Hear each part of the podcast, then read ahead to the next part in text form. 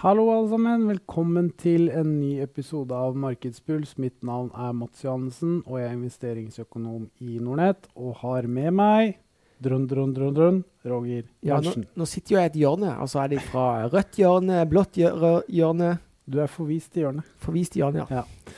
så det er bra. Eh, Jeg skal vel sitte og høre på en eller annen stemme fra hjørnet her eh, en liten stund, så det blir bra. Men eh, vi skal prate litt om status i aksjemarkedet, Roger.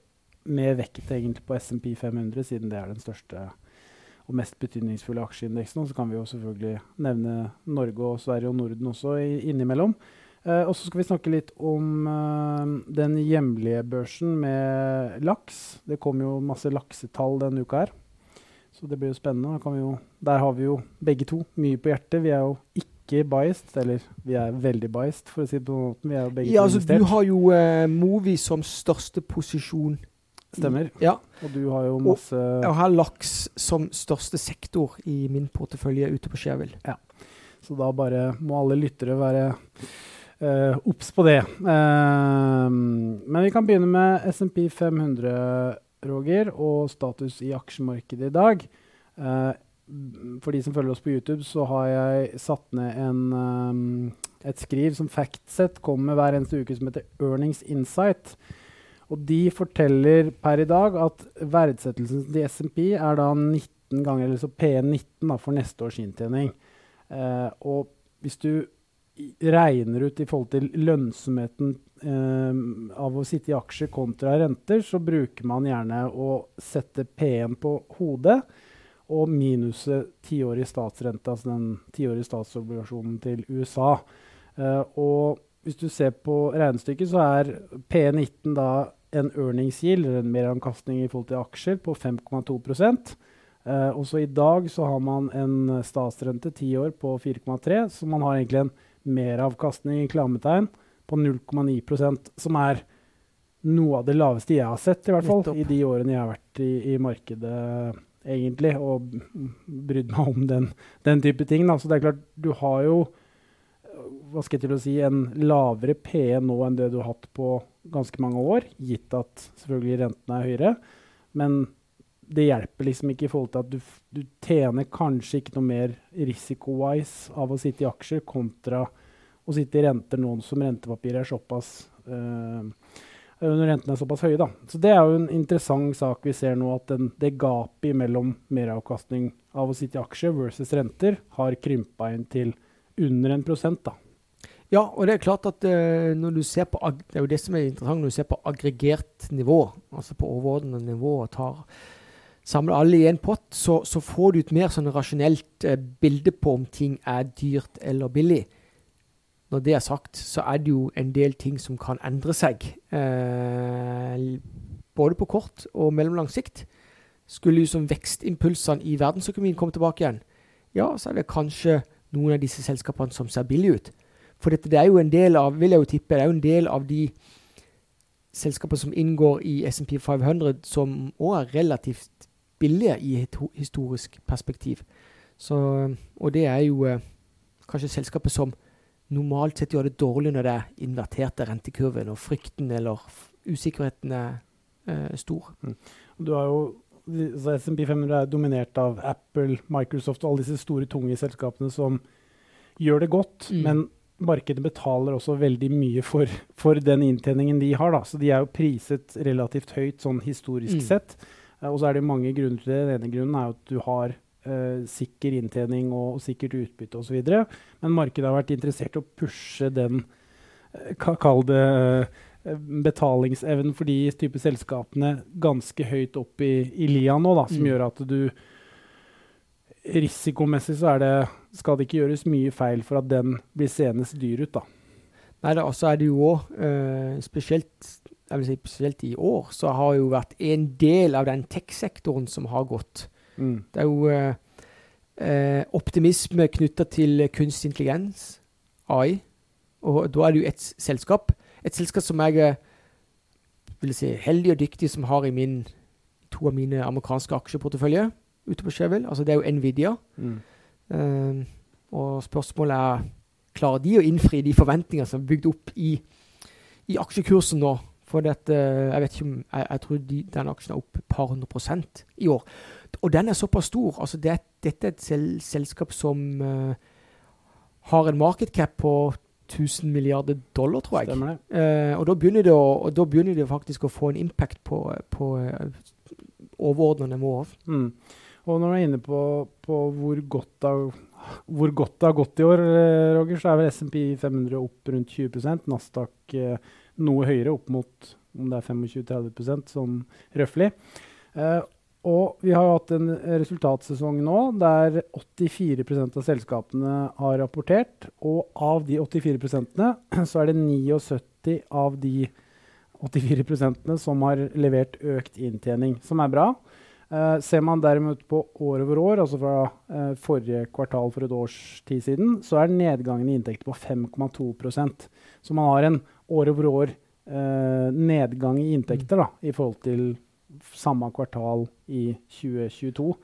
så det er klart Hva skal jeg til å si? Og, og, og en av grunnene til det, Apple som, er, som, er, 3000 milliarder dollar, som er størst. De, de, har ikke vokst på faktisk et par år, har de det? Nei, og, og der kommer jo tilbake igjen til den med, i forhold til at den earnings-yielden har blitt kall det historisk liten. Mm. Og i tillegg til at du også har en eh, nedgang i år over år, da, som gjør at status i markedet i dag sånn rent prisingsmessig, og nå snakker jeg rent ja. matematisk, er mindre fordelaktig enn mm. hva det har vært på ganske mange år. Uh, og det er jo denne effekten som vi har pratet mye om i forhold til det med, med renter. At du nå faktisk har et reelt alter alternativ til aksjer i forhold til rentepapirer. Kjøper man uh, et vanlig likviditetsfond nå, så får man i omkring rundt 5% i rente per år. Som mange kan synes er relativt attraktivt i forhold til at det er så å si null risiko. Uh, og, og, det er klart hvordan skal jeg si det? Altså, det er vel begrep, er det Tina som var begrepet som gikk for et par år siden, ja. var det ikke det? There is no alternative. Ja, mens nå er det et reelt mm. alternativ, ikke sant? Og nå, nå har det jo øh, altså veldig mange Det er ikke så mye rom for feil, da, for å si det på den måten, for Nei. selskapene å levere dårligere enn hva de skal, for at markedet skal oppfatte ting som dyrt, og at man risikerer en korruksjon eller et børsfall, da, for å si det på den måten. Resultatsesongen er mer eller mindre over. De fleste har levert, men Nvidia, som vi snakket om innledningsvis, leverer jo tall denne uka. Mm. Vi spiller jo inn denne markedspulsen på tirsdag. En dag senere enn vanlig, ja. Ja, en dag senere enn vanlig. Men uh, så denne uka Det blir spennende å se hva, hva uh, hvordan um, Nvidia-tallene blir i Q2. Og så har det jo vært en kjensgjerning at aksjene har gått mye bare den siste uka. Og det har vært på dette Meglerhus etter meglerhus har jo da oppjustert kursmålet på, eh, på uh, Nvidia. Mm. Og hva skjer, eller hva, hva, er vanlig metodikk når uh, meglerhusene alltid skrur opp før tall? Det er Kanskje det er bedre å kjøpe selskaper som hvor det er mange salgsanbefalinger? Ja. Jeg vet ikke. Ja. Nei, det er alltid interessant. Men ja. det er i hvert fall hvis man ser sånn reelt fra disse tallene som jeg hentet ut fra Factset, så ser man at det er en år over år nedgang i inntjening. men 79% av de 84% som har uh, levert uh, på SMP 500-indeksen, har i hvert fall levert mm. bedre enn venta, og guider også bedre inntjening enn markedet har forventa. Så det kan jo støtte opp under om at denne prisingen er historisk sett relativt høy. Da. Ja, og jeg har fått på pukkelen av ChatGPT når jeg uttaler meg. Isolert sett sier jeg at det er positivt, men det riktige skal visst være isolert sett kan det være positivt. Ja, riktig. riktig. Bredt sett skal det være positivt. ja. Eh, og så kan vi ta eh, turen hjemover til, eh, til, Norge og prate litt om laksemarkedet i, eh, i Norge, altså på, på, på børsen. Eh, for de som følger oss på YouTube, her, så har jeg en graf der du viser årlig utvikling i Movi, eh, Bakkafrost, Lerøy, SalMar og Grieg, som er liksom de havbaserte og ekskludert en del av de landbaserte, men i hvert fall de havbaserte, der disse som omfatter da, denne lakseskatten. Og den mm. fikk vi jo, Dette er jo det første kvartalet der lakseskatten er fullstendig vedtatt, i hvert fall fra denne regjeringen, på 25% Var det det det var?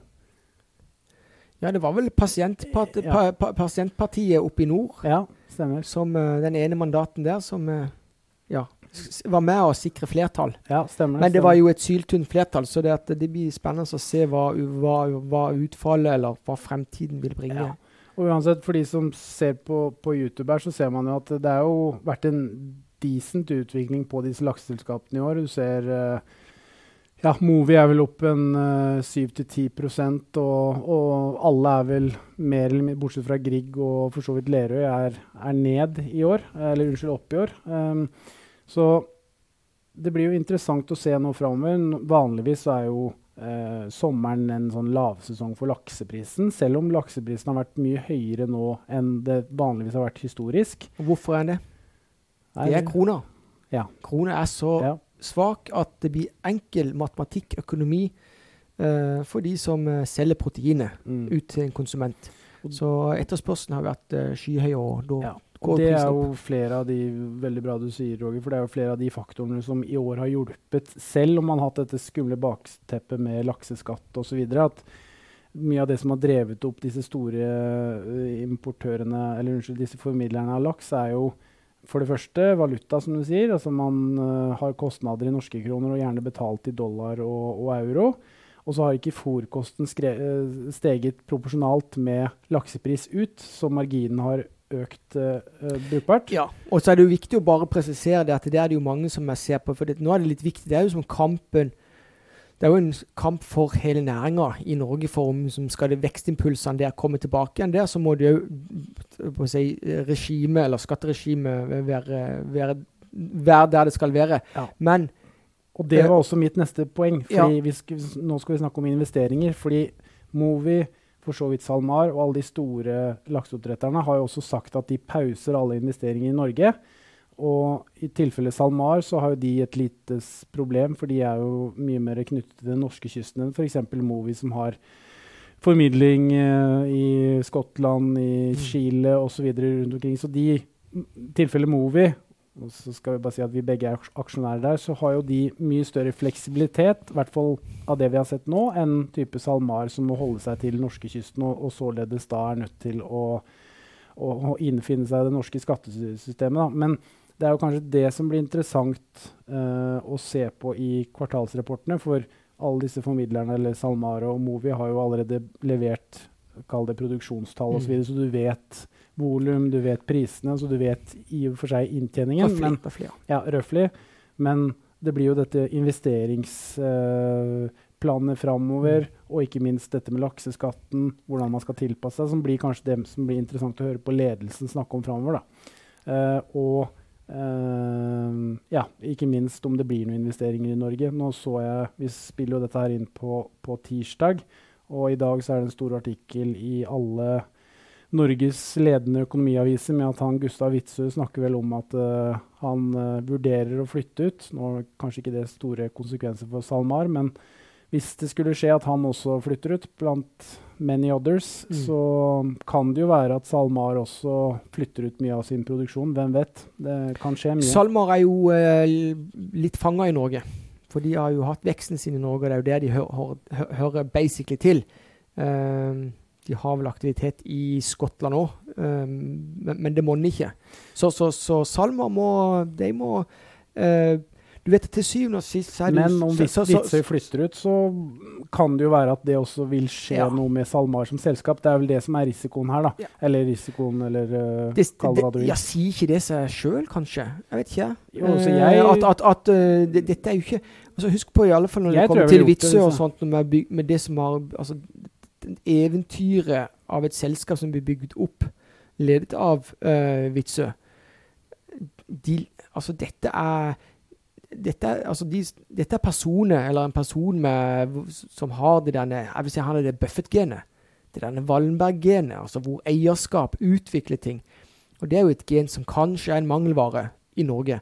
Så, så, jeg er jo ikke i tvil om at, at eh, Salma har nødt til å bare uh, All den politiske usikkerheten som er der, så har du bare nødt til å uh, legge nye planer. Uh, så, så, jeg, så jeg, jeg, forventer at det skjer. Det vil, mm. så, så, det blir jo spennende å se.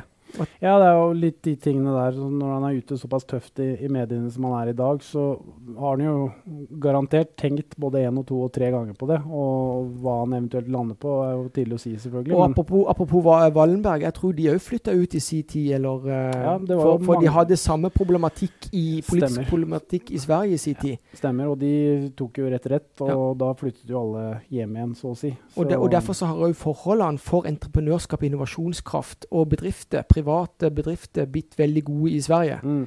Så jeg håper jo og tror at eh, når meg og deg, Mats, ja, jeg er jo foran deg i løypa, blir litt eldre ja, ja, vi er jo unge, er vi ikke det? Jo da, jo da. Så kanskje de blir gode forhold i Norge òg, men det tar tid, øh, tror jeg.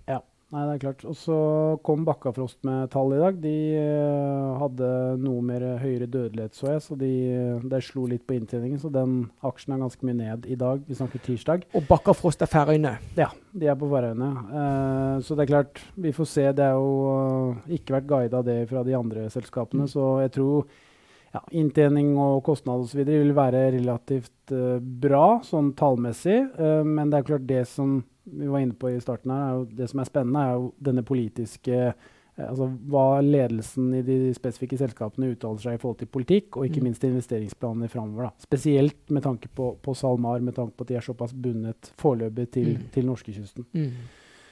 Så med det så tror jeg vi bare kan uh, avslutte for uh, uken her, Roger. Og så høres vi neste, og ses og høres uh, neste uke. Ha det bra. Markedspuls skal anses som markedsføringsmateriell, og innholdet må på ingen måte oppfattes som en investeringsanbefaling. Sendingen er kun ment til informasjonsformål og generell spareveiledning. Nordnett tar ikke ansvar for eventuelle tap som måtte oppstå ved bruk av informasjonen i Markedspuls. Jeg og Roger som Nordnetts tallpersoner kan ha eierinteresse i selskapene som omtales i sendingen. Dere kan til enhver tid se våre innehav av aksjer, obligasjoner og andre derivater på Shareville, der kallenavnet er Mats Nordnett eller Bull Berntsen.